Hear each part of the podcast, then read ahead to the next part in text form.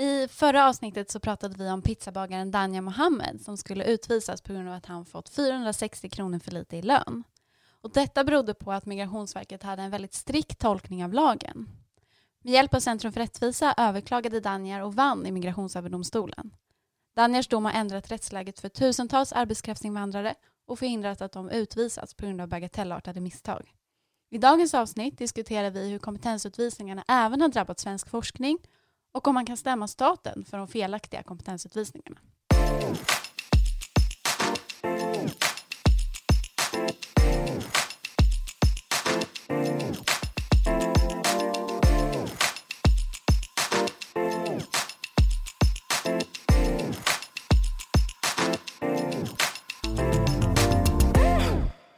Och eh, varmt välkomna till avsnitt tre av Centrum för rättvisas podd. Jag heter Emilia och med mig idag har jag Rickard. Hej och välkommen till podden.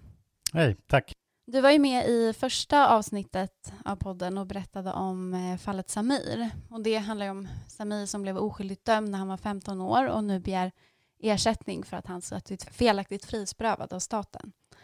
Har du någon snabb uppdatering i, i det fallet? Ja, nästa, nästa steg i det fallet är att vi ska ha huvudförhandling i Stockholms tingsrätt och eh, planen är att den ska äga rum i slutet av maj, men vi får väl se lite hur det blir. Det är ju lite osäkert i och med de här coronatiderna och så. Eh, det är mycket förhandlingar eh, runt om på olika domstolar som ställs in och så där, så att vi får se om den blir av. Men, det, men än så länge är i alla fall budet att den ska genomföras, så att vi, vi hoppas på det. Ja, det känns lite konstigt att inte börja prata om om coronapandemin, det, som alla pratar om just nu. Och vi ska inte prata om det i själva avsnittet, men eh, vi, vi två har inte setts på ett tag. För att just nu så sitter ju eh, hela kontoret arbetar ju hemma, precis som många andra. Vart, vart sitter du någonstans? Jag sitter ju uppe på, på mitt fritidshus eh, och eh, ja, jobbar därifrån, så att jag är ju en av de personerna som har lite grann flytt Stockholm för att skapa någon egen slags isolerad tillvaro. Hittills så går det över förväntan. Jag tycker inte att det har varit så mycket störningar i arbetet, i alla fall inte för vår del. Nej, alla blir också bättre och bättre på, på tekniken och sådär. Det kommer nog ja, ett litet skifte efter den här pandemin. Det som är intressant är att vissa arbetsuppgifter, där blir man ju nästan lite mer effektiv för att det är, man blir kanske inte lika distraherad och så som man blir i vanliga fall. Så här, om man ska sitta och skriva någonting och så där så kan man sitta liksom lite mer ostört. Så på så mm. sätt kan det nästan vara en fördel. Men det är ju väldigt många som jobbar hemma eh, och särskilt alla studenter har jobbat hemma ganska länge nu eller pluggat hemma. Har du kommit på några så här superbra hemarbetartips nu under de här veckorna? Vi är ju inne på fjärde veckan nu när vi spelar in som vi har suttit hemma. Ja, alltså jag vet inte. Det känns som att det kommer sådana här hemmajobbartips från så många håll, så att man låter ju lite som någon slags eh, vandrande klyscha om man ska börja dra de här. Men det är väl de här klassiska, liksom att försöka hålla någorlunda ja, men, eh, strukturerade arbetstider och så, så att, mm. så att inte hela dagen liksom bara flyter ihop. Det är ganska lätt att börja tänka att så här, ja, men, eh, jag ska först göra det här innan jag börjar jobba, eller man tar liksom lite längre lunch eller någonting och tänker att man ska jobba igen det sen på kvällen och så där. Jag, jag tycker det är ganska skönt att ha väldigt mycket struktur i alla fall. Mm. Och sen är det ju skönt om man kan eh, dela upp sig. Jag jag och min sambo sitter ju här ute i det här huset och det funkar ju ganska bra. Men, men det är lite svårt när man sitter och trängs i en lägenhet och så och ska jobba två personer samtidigt. Så det gäller ju att försöka få någon slags enskildhet, typ. Men det är ja. ju lättare sagt än gjort kanske. Ja, verkligen. Jag hörde om en kollega, eller en kompis vars kollega satt eh, instängd eller med sin sambo i en eh, 30 kvadrat lägenhet i Stockholm, så när de skulle ha så här telefon eller videokonferenser så behövde de sitta på toaletten. Det kan ju Oj. kanske vara lite ansträngt så här fjärde veckan att, med, ja, i relationen verkligen. och så där kanske. Ja, det låter inte så optimalt. Nej. Jag brukar tänka på att eh, försöka byta om, eller så här, sätta på sig riktiga kläder, inte ha, gå runt i mjukiskläder. Jag tänker att man kommer in i någon sorts jobbstämning då. Men jag vet att många tycker att det är skönt att inte göra det också. Absolut, men det finns ju en ganska så rolig bild som cirkulerar i sociala medier på Ronald Reagan när han står på ett flygplan och han står liksom med, med slips och skjorta och sen så har han eh, mjukisbyxor på sig och så står det något i stil, med, jag minns inte exakt, men liksom att det här med videokonferens-outfit är liksom ingenting nytt, utan ja, det funnits ganska länge. Det kanske blir någon sorts ny modetrend sen när det här är över. Ja, ja. Men eh, det får faktiskt räcka lite nu med coronasnack. Eh, alla har fått sin beskärda del av det också tror jag. Eh, så, men vi får säkert anledning att komma tillbaka till det i senare avsnitt. Det finns ju en del intressanta rättighets och juridiska aspekter på den här pandemin också som vi kanske får anledning att diskutera framöver. Dagens avsnitt är en fortsättning på det förra avsnittet som vi släppte. Och Det som vi pratade om då det var att mängder av arbetstagare utvisades på grund av små misstag i anställningsvillkoren. I Daniels fall så rörde det exempelvis en lönemiss på 460 kronor. Och hans dom har inneburit att de här arbetstagarna har fått en mer nyanserad bedömning. Och när vi följde upp det här efteråt så har vi kunnat se att människor inte längre utvisas på grund av små misstag i anställningsvillkoren i samma utsträckning. Men vissa problem har dock kvarstått. Och ett exempel på ett problem som vi har sett inte har verkat löst sig med Daniers dom det är hur Migrationsverket ska hantera brister i anställningsvillkoren hos tidigare arbetsgivare. Och det ska vi prata om lite senare i podden eh, med Alexandra som kommer då. Men först ska vi prata med Rickard om hur studenter och forskare har drabbats av problemen med Migrationsverkets strikta tillämpning av lagen. Och eh, det handlar då om ett fall med doktoranden Mohammad Irfan som skulle utvisas från Sverige på grund av att han hade bedrivit en del av sin forskning i USA trots att det var helt i enlighet med hans studieplan. Och Rickard, du var ju ombud för Mohammad Irfan som ju befann sig i Sverige för att forska vid Karolinska institutet. Och hur kommer det sig att Centrum för rättvisa engagerade sig i, i Mohammad Irfans fall? Vi hade ju drivit fall när det gäller uppehållstillstånd på grund av olika typer av arbeten, inte minst det här fallet med pizzabagaren Daniel Mohammed från Jokkmokk som vi pratade om i förra avsnittet. Och problemet eh, var ju då att Migrationsverket hade gjort en alldeles för stelbent tolkning av de här reglerna som finns kring, kring arbetstillstånd. Och det här fick ju i vissa fall ganska absurda följder. Och eh, när vi drev de här fallen så upptäckte vi att det fanns en liknande problematik eh, även när det gäller då uppehållstillstånd för studier och eh, som i Mohammed Irfans fall uppehållstillstånd för forskning. Men eh, vad forskade Mohammed Irfan om? Vad bestod hans forskning i? Eh, Mohammed Irfan, han är ursprungligen då från Pakistan och han var doktorand vid institutionen för molekylär medicin och kirurgi, som det heter, vid eh, Karolinska institutet i Stockholm. Och han forskade kring ett speciellt protein som påverkar en eh, massa olika områden i kroppen. Men just hans forskning var då inriktad på hur det här proteinet påverkat hjärnan och förmågan att bilda minnen.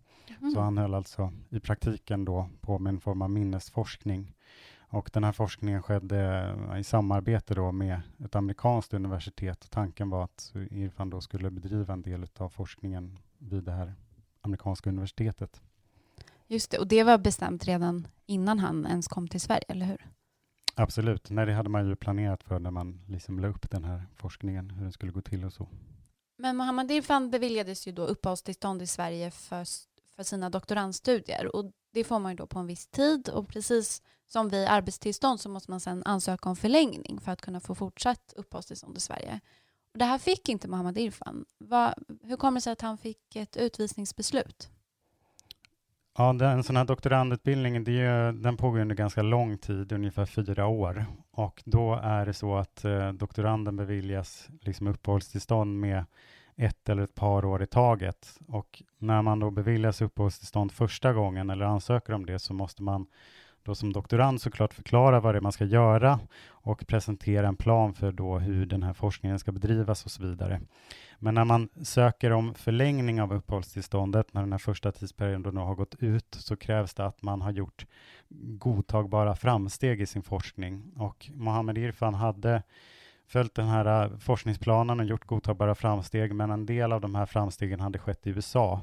Och Migrationsverket tyckte att det bara gick att mm, ta hänsyn till dem framsteg som hade gjorts i Sverige. Så att eh, ja, man tyckte liksom att eh, Mohammed Irfan måste fysiskt vara i Sverige och göra de här eh, framstegen för att man ska kunna då beakta dem när man tar ställning till om han ska få fortsatt uppehållstillstånd. Mm.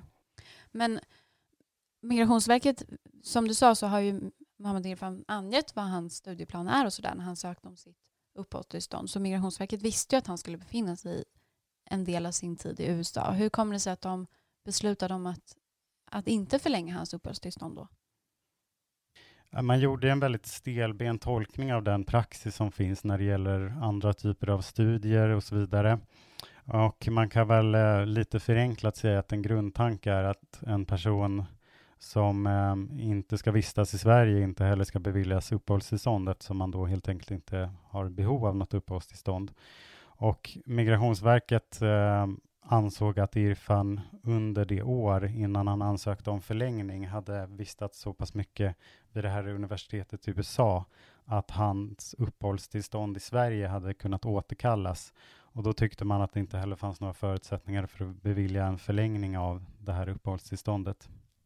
Men jag har tänkt lite på det där. Alltså egentligen låter ju det ganska rimligt. Alltså var, om man ska vara i USA, varför ska man då ha ett uppehållstillstånd i Sverige?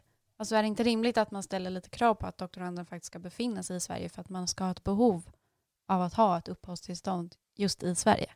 Det gäller ju för att man ska kunna befinna sig fysiskt på plats.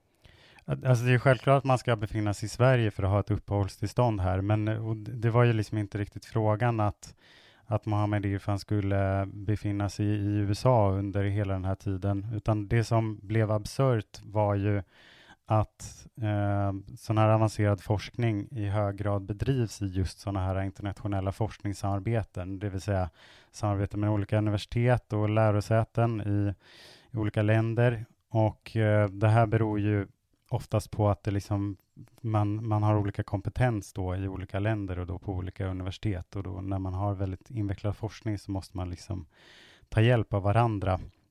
Och i det här fallet skulle ju Irfans forskning pågå under ungefär fyra års tid och huvuddelen av den här forskningen ändå bedrivas i Sverige och han skulle disputera då på KI och då framstår det som ganska befängt att då när man efter tre års tid ska avgöra den här frågan om fortsatt uppehållstillstånd bara tittar på ett av de här åren och konstaterar att han då har varit i, i USA, särskilt som det var, liksom var känt från början att eh, delar av forskningen skulle bedrivas då vid det amerikanska universitetet.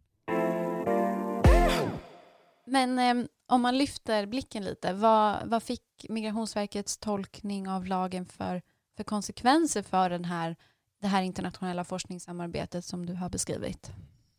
Alltså, kritiken har ju varit att det här, den här typen av ganska stelbent då, synsätt gör ju att Migrationsverket i praktiken styr hur forskningen ska läggas upp. Alltså mm. om man inrättar liksom olika tidsgränser för hur länge man får vara på ett utländskt universitet eller så, så påverkar det väldigt mycket hur, hur forskningen eh, planeras och liksom bedrivs. Och det här stör ju såklart väldigt mycket. Okej, men Mohammad Irfan, han sitter ju då med sitt utvisningsbeslut. Vad, vad, mer konkret, vad fick det för konsekvenser för just honom egentligen? Ja, men grejen var med att Mohammad Irfan, han eh, var ju inne på tredje året på, av sin forskning. Och när han, eh, och, så att han hade kommit ganska långt i den här forskningen när han fick avslag av Migrationsverket och ännu längre när hans överklagande sen avslogs av Migrationsdomstolen. Och då var det ju i praktiken så att han bara hade ett år kvar utav sin forskning. Så att eh, om det här hade stått sig så hade det inneburit att han hade behövt liksom kasta all den här, de här tre års forskningen i papperskorgen. Den hade ju inte kunnat användas till någonting. Och det måste ju även gälla då, för Karolinska institutet har väl betalat pengar för den här tjänsten? Absolut. Eh, nej, det får ju jättestora konsekvenser, både för Karolinska institutet, eh, men också för hans handledare. För det funkar ju så när man bedriver den här typen av forskning att eh, handledaren tar ju på sig ett ekonomiskt ansvar då för doktoranden. Så att eh, det har ju varit Kristina Bark som har haft ansvaret för att då helt enkelt betala Mohammed Irfan. Och eh, man budgeterar ju liksom för att den här forskningen bara ska ta en viss tid och eh, om det tar längre tid av olika anledningar eller forskningen inte går att använda så är det klart att det får betydelse för möjligheten att liksom finansiera det här och få anslag och så vidare. Så det här fick alltså då stora konsekvenser för Mohammed Irfan och hans forskning och det var därför som han och hans handledare Kristina Berg kontaktade Centrum för rättvisa och vi beslutade oss då för att, eh, för att engagera oss i fallet och företräda Mohammed Irfan i domstol. Och vi överklagade då det här beslutet till Migrationsöverdomstolen och de meddelade sin dom i höstas. Kan du berätta om vad domstolen kom fram till? Ja, men precis som i fallet med Dania Mohammed som vi pratade om i förra avsnittet så kom Migrationsöverdomstolen fram till att man måste göra en betydligt mer nyanserad helhetsbedömning av eh, omständigheterna då när man ska avgöra om någon ska beviljas eh, förlängning av sitt uppehållstillstånd. Och eh, det handlar i grunden om att man inte kan, man måste liksom zooma ut lite grann och titta på situationen i sin helhet och inte haka upp sig på eh, små detaljer helt enkelt som kan få ganska absurda konsekvenser då för de här personerna som är i behov av uppehållstillstånd. Och vad tror du att den här domen kommer ha för påverkan för, för andra som vill komma hit till Sverige och bedriva forskning? Nej, men förhoppningsvis så leder väl den här domen till att det just blir en mer nyanserad prövning och det här är ju något som är väldigt viktigt såklart för eh, Sveriges anseende och möjligheten att bedriva forskning. Det har ju rapporterats en del i media när det gäller andra arbetstagare och sådär att de liksom har lämnat Sverige och så för att det har framstått som för osäkert och liksom eh, det är klart att det ställer till det och försvårar Eh, att rekrytera kompetens på olika sätt, såväl liksom vanliga arbetstagare som, som kvalificerade forskare. För det är ju så också, precis som vi pratade om förra avsnittet, att precis som i techindustrin så är ju också forskningsvärlden internationell. Alltså man konkurrerar ju liksom på en internationell marknad med, med arbetskraft och sådär. Så det är ju viktigt att man också har ett gott anseende när det gäller, alltså, eller gott rykte med den här typen av regler. Absolut, och det är ju det är så otroligt stora både personliga och ekonomiska investeringar som folk gör. Alltså Mohammed Irfan som ändå hoppar på den här doktorandutbildningen som ska ta fyra år och han åker då från Pakistan för att göra det här. Och eh, det är klart att det är en personlig katastrof om man inte kan fullfölja det. Och den typen av historier är ju såklart väldigt avskräckande för andra som då funderar på att göra samma sak. Så Migrationsöverdomstolens dom ledde ju då till att Mohammad Irfan kunde disputera i, i Sverige, eller hur? Ja, absolut. Han har, eh, så nu har han disputerat från då KI. Tack så jättemycket Rickard för att du kom och berättade om Mohammad Irfans fall i podden. Jag hoppas att du kommer tillbaka snart igen. Mm, ja, det hoppas jag också. Det här utvisningsbeslutet fick ju stora konsekvenser för Mohammad Irfan själv men också för hans handledare Kristina Bark. Vi har därför ringt upp henne för att låta henne ge sin bild av hur det här påverkade henne och hennes forskning.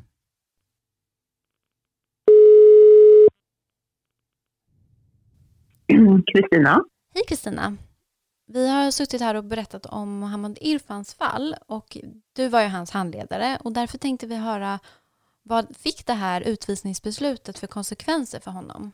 Ja, alltså han var ju beredd att lämna Sverige. Han fick utvisningsbeslutet från eh, migrationsdomstolen. Då tänkte han åka tillbaka hem till Pakistan. Och, eh, det hade ju varit en personlig katastrof efter fyra år på Karolinska institutet att åka hem utan en examen. Det hade ju varit eh, svårt för honom. Mm. Och hur påverkade beslutet Karolinska institutet och er forskning? Ja, vi blev ju helt handfallna först då för att eh, det fick enorma stora konsekvenser, inte bara för honom utan för mig, min forskning, för amerikanska labbet och deras forskning och även för den tredje handledaren som är en professor på neuro. Eh, därför att eh, vi fick ju lägga om allting, vi fick dra igång och ta fram nya djur här i Sverige och lägga om projekten så vi gjorde mindre arbeten. Det försenade ju allting säkert tio månader eh, och då är det inte bara kostnaden för att han skulle ha lön i tio månader till utan det var ju alla djur som skulle tas fram och hur allting skulle råddas om. Så det blev ju en enorm ekonomisk kostnad. Och det är klart att eh, hade vi fått arbeta som vi hade tänkt oss och allting var planerat så hade det blivit väldigt fina arbeten. Nu blev det ju bra arbeten ändå, eh, men eh, det var inte samma dignitet på dem som det var planerat. Men hur ser du på den här domen då som kom från Migrationsöverdomstolen? Vilka konsekvenser tänker du att den kan få för högre forskning och studier i, i Sverige? Ja, alltså jag tycker den var väldigt positiv och eh, eh, den blev ju också ganska uppmärksammad även internationellt. Och, och jag hoppas ju nu att dels att eh, inga andra doktorander eller handledare för den delen ska behöva gå igenom det här som, som krävdes för att få igenom IRFAN. Men eh, eh, också genom att den blir känd internationellt så kanske inte avskräcker folk som är duktiga att söka sig till Sverige längre. Utan att eh, Sverige kan attrahera internationella forskare. Att de kan känna sig trygga med att komma hit. Och med det så får vi tacka dig så mycket Kristina för att du ville vara med i vår podd och berätta om hur det här fallet påverkade både Mohammed Irfan och även dig och er forskning men också Forskarsverige. Tack så jättemycket. Nu ska vi prata om ett pågående fall på Centrum för rättvisa och med mig har jag Alexandra som är ombud i det här målet. Välkommen till podden. Tack så mycket. Jag står här i min mans garderob och spelar in. Ja, det hänger liksom lite tennisrack och grejer bakom dig. Mm, han är sportig. Ja. ja, det är en speciell eh, situation. Man får, ta, man får göra lite hemmastudio. Men du var ju med i det första avsnittet av podden, så du är ju lite van poddare nu kan man säga. Då hade vi ja. ett rättighetsbattle. Mm. Och då hade vi var ju... då från garderoben då. Mm. Ja, just det. Men du var ju påhejare då av EUs rättighetsstadga. Men vad ja. jag minns så var det ju regeringsformen som vann, eller? Hur minns du det alltså, hela? Det var ju en roll att spela, men jag spelade ju rollen väldigt bra, så att det, jag minns väl ändå att det var EU-stadgan som tog hem det. De andra är inte här att försvara sig, som man brukar säga om man är en riktig journalist. Men i alla fall, eh, i inledningen av det här avsnittet så pratade vi om att vi på Centrum för rättvisa jobbar hemma och så. Men du har ju ändå varit ute och flängt lite på senare tid. Kan du inte berätta lite om vart du har varit? Ja, jag har varit ute och flängt. Jag har gjort nödvändiga resor kan man säga till tingsrätter. Så är det här i... något sorts försvar för att ingen ska bli försvara ditt eh, resande? Ja, alltså det är ju eh, domstolsförhandlingar ställs eh, inte in de flesta vad det verkar som. De som jag har varit involverad i har inte ställts in, så att eh, då får man ju dyka upp helt enkelt. Så här förra veckan så eh, tog jag en bil som står här i mitt garage, en hyrbil, och eh, körde till Göteborg och hade huvudförhandling i eh, Göteborgs tingsrätt. Och eh, varför åkte vi dit? Jo, vi har ett mål där mot eh, Partille kommun och vår klient heter Bill Persson. Men det var en liten speciell huvudförhandling får man säga.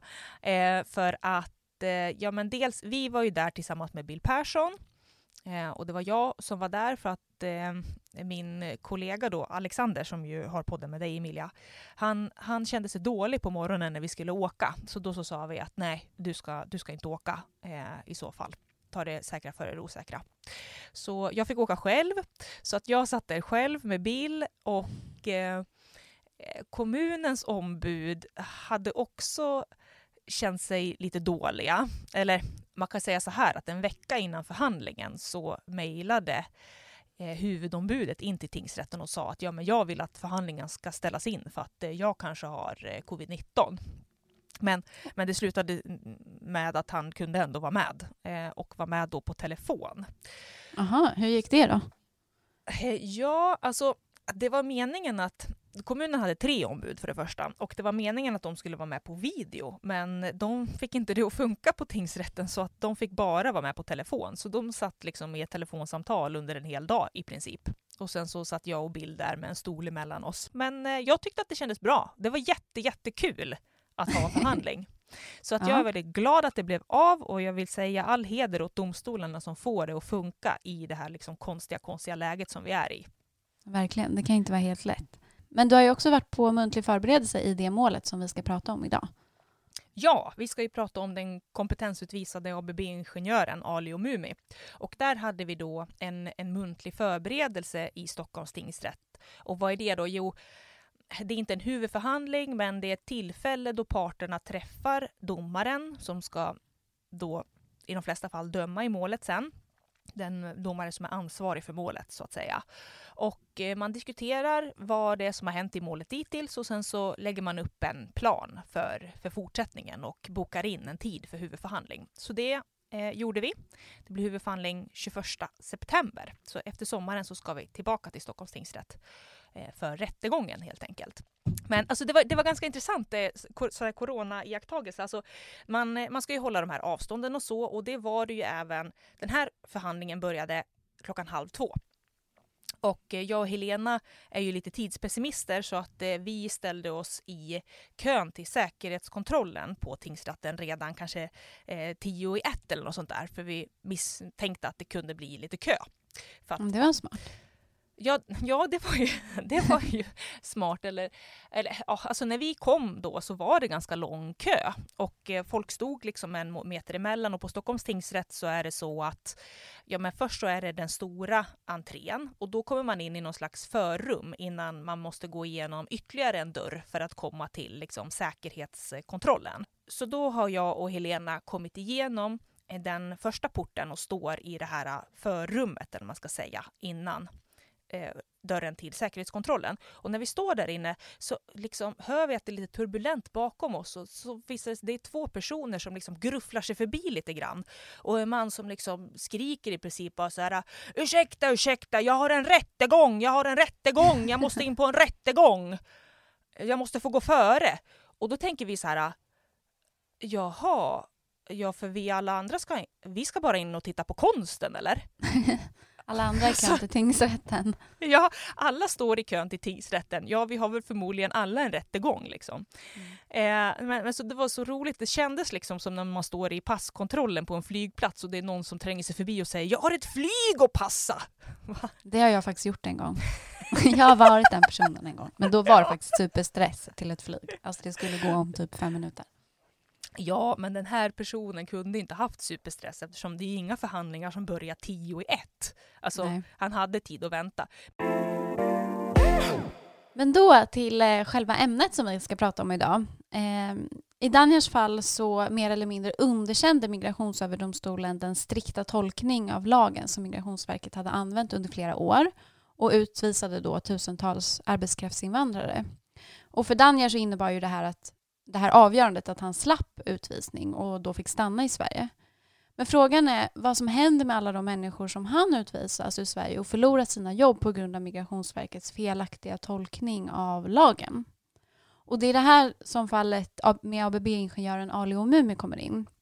Och det är ett lite speciellt fall eftersom frågan i det här målet inte är själva utvisningen utan är det här är ett skadeståndsmål på grund av en sån här felaktig utvisning. Jag brukar liksom tänka på det här fallet lite som det rättsliga efterspelet efter de här Lucia-domarna. Och eh, Alexandra, du är ju som sagt ombud i det här målet och Ali Omumi är ingenjör och arbetar just nu på ABB i Ludvika. Men han utvisades eh, från Sverige för ett par år sedan. Varför fattade Migrationsverket ett utvisningsbeslut för honom och hans familj då också? Ja, det är väl frågan. Nej, men eh, för det första så eh, tycker vi och han själv också att det, det här var en, en felaktig utvisning, en, en, kompetensutvisning som vi pratar om. Men det som, det som Migrationsverket och sen Migrationsdomstolen hängde upp det här på var att eh, Ali och Mumi på grund av en miss hos sin förrförra arbetsgivare, alltså hans första arbetsgivare i Sverige, eh, inte omfattades av vissa av de försäkringar som Migrationsverket kräver att man ska omfattas av. Så på grund av den här eh, historiska eh, bristen hos eh, den förrförra arbetsgivaren så beslutades att han inte skulle få förlängt tillstånd hos ABB. Och därmed så utvisades han alltså. Men borde inte domen i Danjars fall, som ju sa att man ska göra en helhetsbedömning av samtliga anställningsvillkor, ha lett till att Ali skulle få stanna i Sverige? Jo, det tycker man. Och eh, Danjardomen, eller Lucia-domarna, de kom precis innan migrationsdomstolen kom fram till att även Ali skulle utvisas.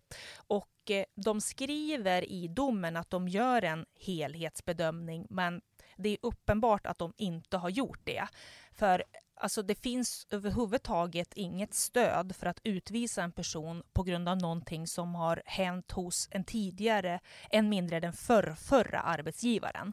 Så att alltså, där har man gjort en en, en, en, ganska stor miss att man inte beaktar att det här är så pass långt tillbaka i tiden helt enkelt. För Ali hade ju ett arbete som uppfyllde alla krav, alltså hans nya då arbete på ABB. Kunde han inte bara söka ett nytt arbetstillstånd när han var i Turkiet då? Så, hade, så skulle alla problem lösas? Det var ju det som han beslutade sig för att eh, göra till slut efter två månader i Turkiet och ABB ville fortfarande ha tillbaka honom och hade då en annan tjänst som de hade utlyst. Så den sökte eh, Ali och Mumi och fick den.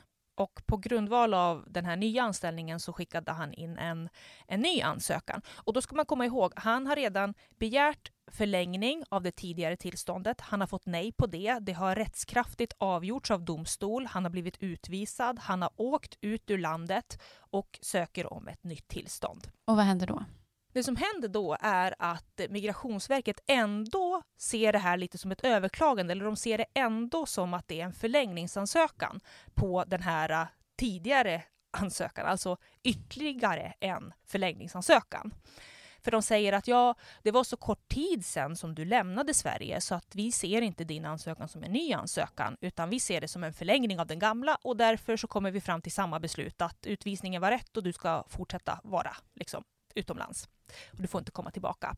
Och det här är liksom helt helt taget ur luften på ett sätt om man, om man tittar på de lagar och regler som finns. Alltså det, det finns ingen regel i svensk rätt som säger att en utlänning måste vänta en viss tid innan han ger in en ny ansökan. Men hur länge skulle han behöva vänta då?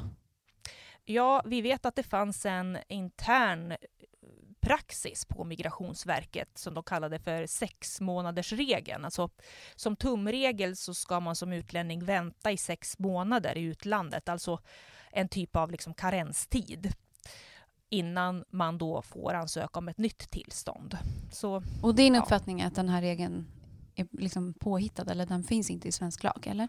Nej, den finns inte i svensk lag. Så att eh, varför Migrationsverket gjorde så här i så många fall, det, det, det vet nog bara de. Men det som hände med, med de här besluten var ju att de, precis som i Ali och Mumis fall, upphävdes av migrationsdomstolarna. Så Ali då, han överklagade ju då Migrationsverkets beslut enligt den här sexmånadersregeln till migrationsdomstol som gav honom rätt, som sa att ja, alltså det finns ingenting som man ska inte tolka det här som, som en förlängningsansökan, utan det här är en ny ansökan. Så varsågod Migrationsverket, pröva det här som en ny ansökan. Och när Migrationsverket väl gjorde det så, så kom man fram till det som, som vi sa då, att ja, men ABB är ju en seriös arbetsgivare och det var väldigt seriösa anställningsförhållanden så att han fick ju sitt tillstånd. Men det drog ju ut eh, något enormt på tiden. Men om vi bara stannar lite vid den här sex månadersregeln som du kallar den. Ehm, alltså, är, inte det ändå en ganska så rimlig regel? Annars kan man ju ha jättedåliga anställningsvillkor i Sverige och sen bara ja, åka till ett annat land och söka ett nytt arbetstillstånd. Och så kan man hålla på sådär trots att man har haft liksom, dåliga arbetsvillkor. Eller, det är väl bra att man försöker motverka att reglerna kringgås? Ja, men det där är ju två olika saker. Alltså det första är ju att se det, alltså är det här en ny ansökan eller en förlängning ansökan? Och sen är det frågan om man kan bevilja den här nya ansökan. Alltså det som, det som man har rätt att kräva är ju att ansökan prövas som en ny ansökan. Så det är väl klart att man ändå kan hindra personer från att bli utnyttjade.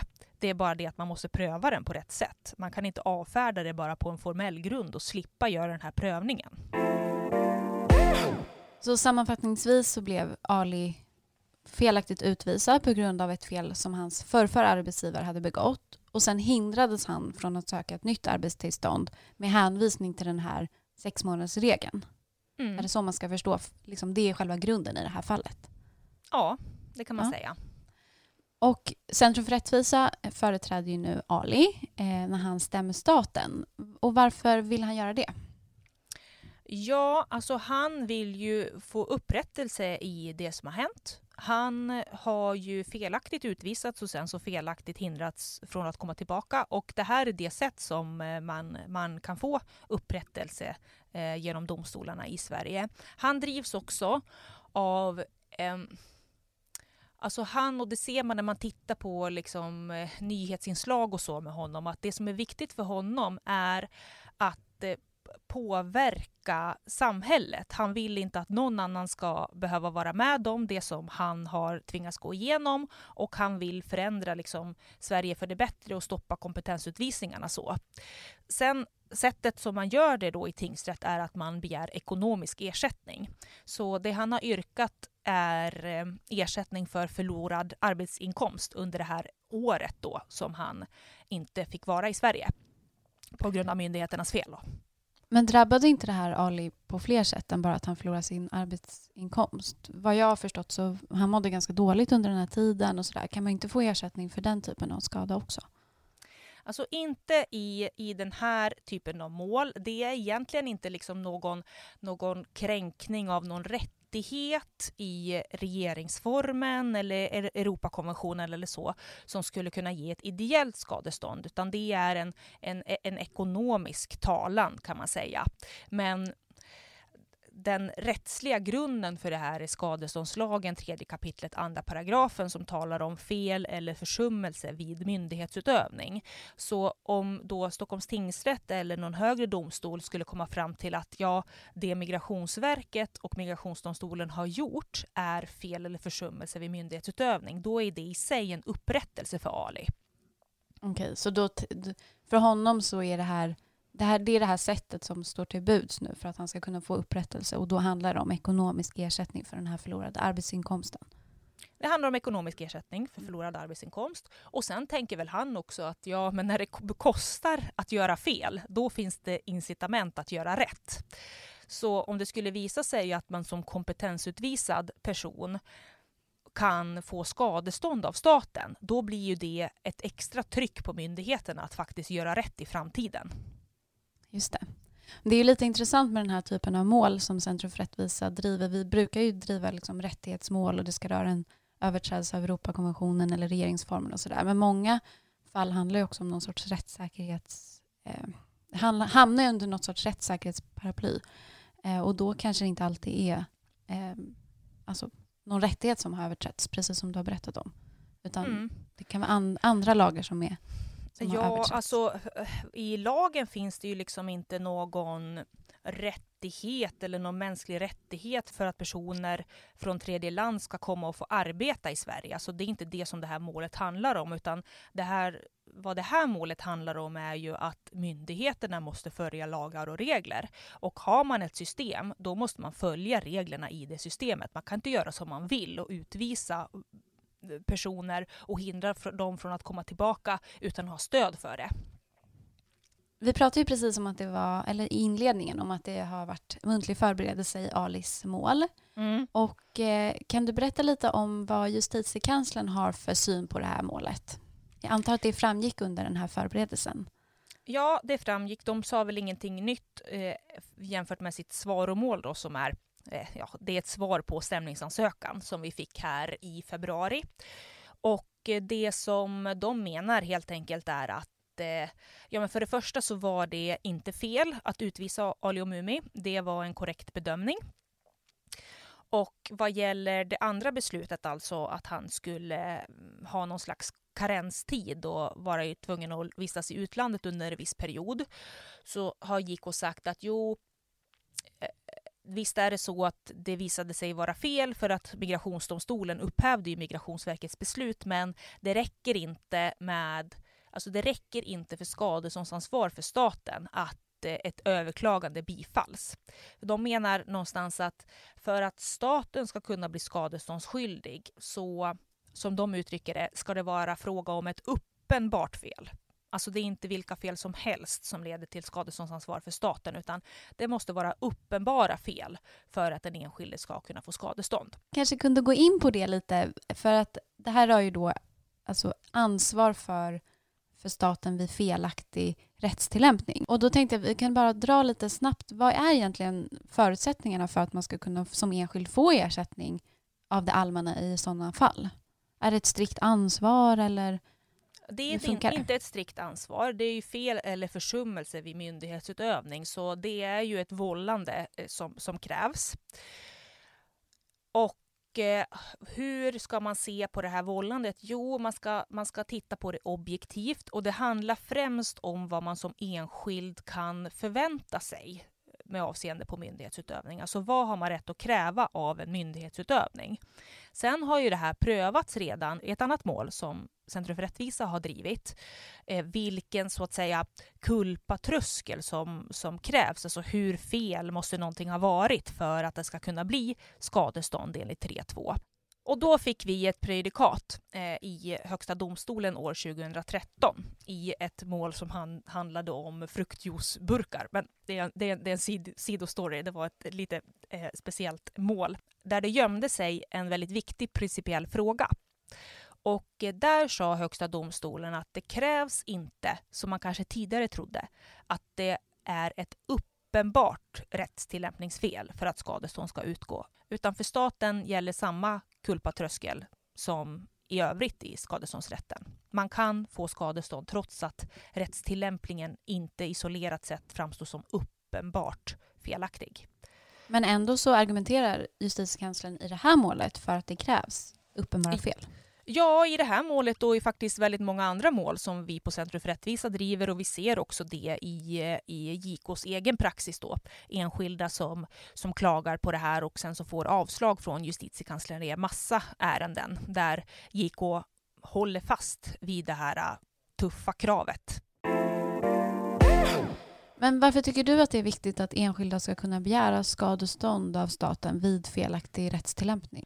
För det första så är det väldigt viktigt för enskilda att få ett kvitto på att det som har hänt dem är fel. Det är, du pratade tidigare om att Ali har ju drabbats på, på fler sätt än bara ekonomiskt. Han har ju haft en väldigt oviss framtid, inte vetat var han ska leva och bo, varit tvungen att rycka upp sin, sin familj från en trygg tillvaro i Sverige där hans fru hade eget företag, hans barn kunde svenska bättre än persiska. Det finns ju ett personligt öde bakom den här inkomstförlusten och den här personliga tragedin är ingenting som han kan Eh, begära ideell ersättning för, desto viktigare för honom är det ju att få ett kvitto på att det här var fel.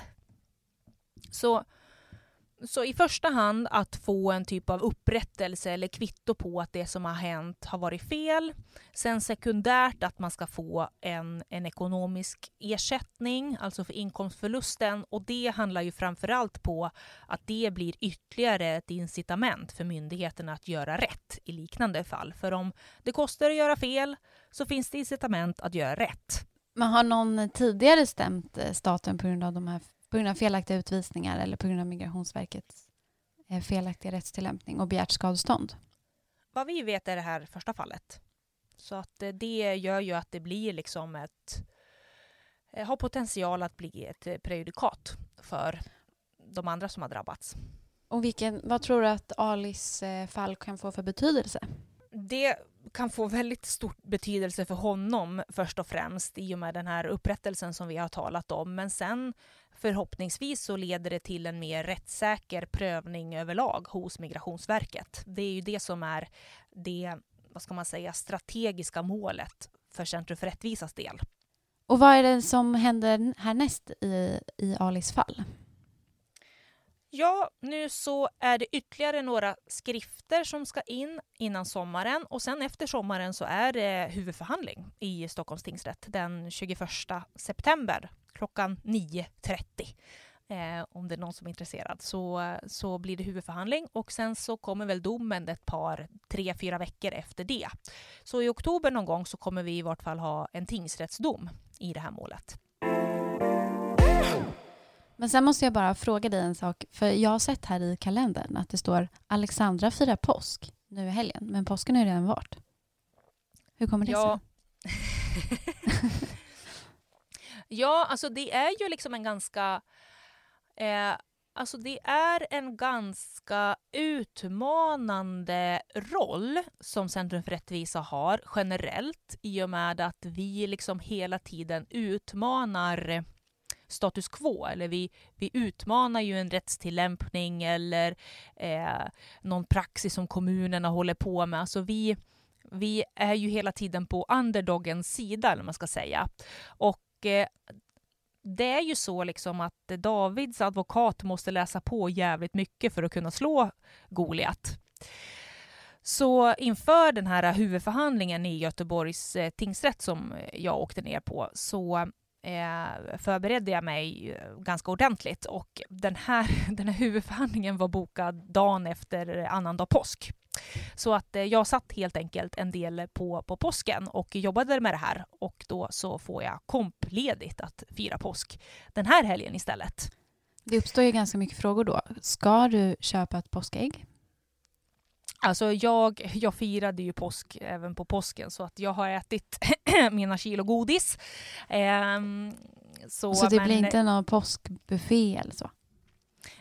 Nej, men kanske lite festligare mat. Jag har inte plockat ner mitt påskpynt än man ska, man ska väl säga generellt också att liksom, Centrum för rättvisa är ju en väldigt schysst arbetsgivare. Det är inte som att vi liksom sitter dag och natt och får, får helgerna inställda. Men just i det här fallet, kombinationen med den här ensam huvudförhandlingen och att det var ju inte riktigt någon påsk att tala om. Vi hade ett virtuell påskmiddag med familjen, men i övrigt så, det var inte som att vi skulle åka på någon semester någonstans.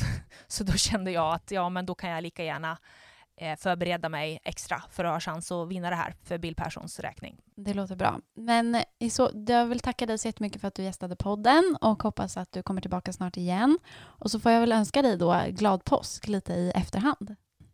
Tack, det är lite syrebrist i den här garderoben nu.